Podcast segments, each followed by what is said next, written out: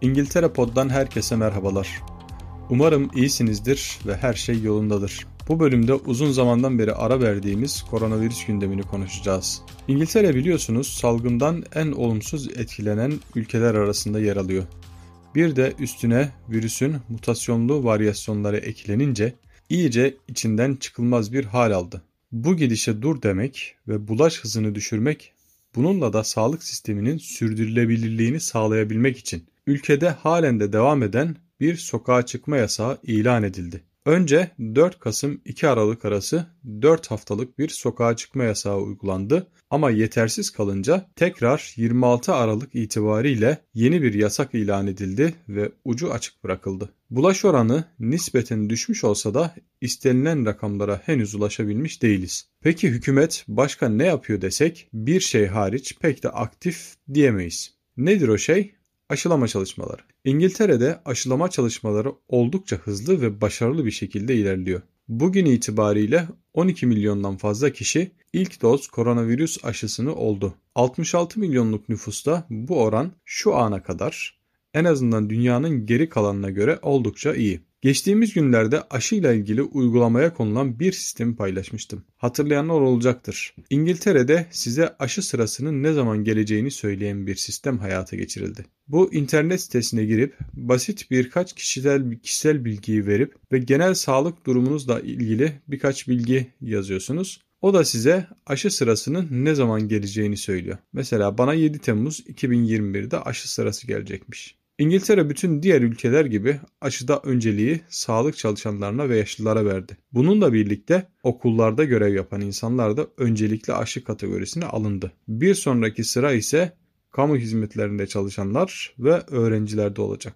Eğer hedefler tutarsa İngiltere hassas grupta olan yani yaşlılar ve kronik hastalığı olan kişileri 15 Şubat'a kadar aşılamış olacak. Bu da tedbirlerin gevşetilmesi için önemli bir kilometre taşı olacak. Tabii bunların hepsinin başında aşının ne kadar etkili olduğu sorusunun da cevap bulması gerekiyor. Bu da içerisinde olduğumuz süreçte aşılanan insanlardan toplanan verilerle ölçülüyor. Başbakan Boris Johnson eğer her şey yolunda giderse 8 Mart'ta okulların tekrar açılabileceğini söyledi. Ancak yine de hiçbir şeyin garantisi olmadığını dile getirdi.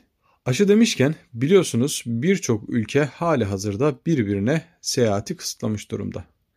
Ancak tatil yani turizm sezonu yaklaşmakta ki bu ülkelerin ekonomilerinin canlanması için çok hayati bir dönem.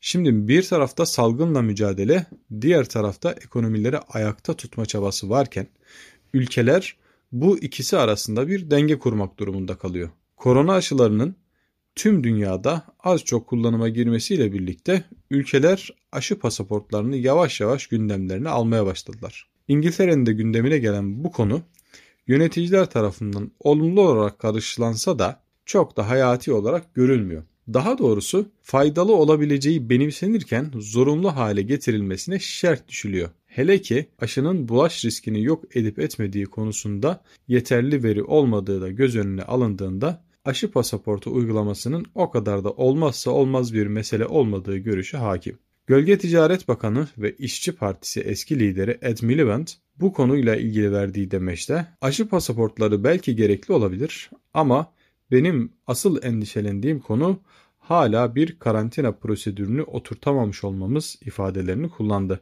ve İngiltere'nin acilen yurt dışından gelen kişilere yönelik etkili ve sınırları belli bir karantina süreci başlatması gerektiğini ifade etti. Şimdi başka bir konuya geçelim ve tatlı tatlı yemenin acı acı çıkarmasına bir göz atalım. Göz atalım. Neden bahsediyorum? Devlet yardımlarını yalanla dolanla toplayıp köşeyi dönen uyanıklar, uyanıklar ve onları bekleyen acı sondan bahsediyorum. Konuyu biraz daha açalım. Koronavirüs biliyorsunuz sadece sağlığı etkilemiyor. Salgın ülkelerin ekonomilerini de son derece olumsuz etkiliyor. İngiltere'de bu olumsuz etkiyi azaltmak ve faaliyet gösteren firmaları ayakta tutabilmek için bir takım yardım paketleri açıklamıştı. Bu paketlerden biri de devlet destekli banka kredileriydi. Hükümet firmanız varsa size kefil oldu ve yıllık cironuzun 5'te biri oranındaki krediyi 1 yıl ödemesiz, kalan 6 yılda düşük faizle ödenecek şekilde almanızı sağladı diyelim. Buraya kadar her şey güzel. Ancak bu iş başta o kadar gevşek tutuldu ki 25 bin cirosu olan bir işletme 250 bin cirom var dedi ve bankadan ne bir evrak ne bir bilanço sormadan 50 bin sterlinlik krediyi takır takır verdi. Bu iş o kadar yayıldı ki şimdiye kadar bu yolla 40 milyar sterlinlik devlet destekli kredi çekilmiş. Bunların içinde bahsettiğimiz gibi haksız olarak çekilmiş epey bir kredi bulunuyor. Buraya kadar işin tatlı tatlı yemesiydi. Ancak maymun gözünü açtı. Vergi dairesi çekilen kredilerin peşine düştü. Uyanık vatandaşlar vergi dairesinin çalışan sayısını hesaplayıp dediler ki bu işlerin peşine düşemezler. Çalışan sayıları yetersiz bizi bulamazlar. Peki vergi dairesi ne yaptı dersiniz? Birden çok istatistik şirketiyle anlaştı ve onlara bu dosyaları incelemesi için verdi.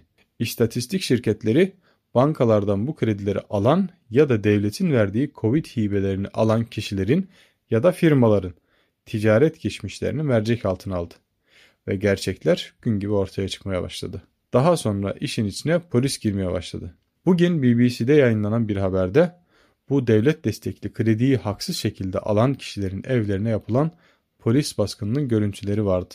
Önümüzdeki günlerde bu tür görüntüleri daha da çok görecek gibiyiz.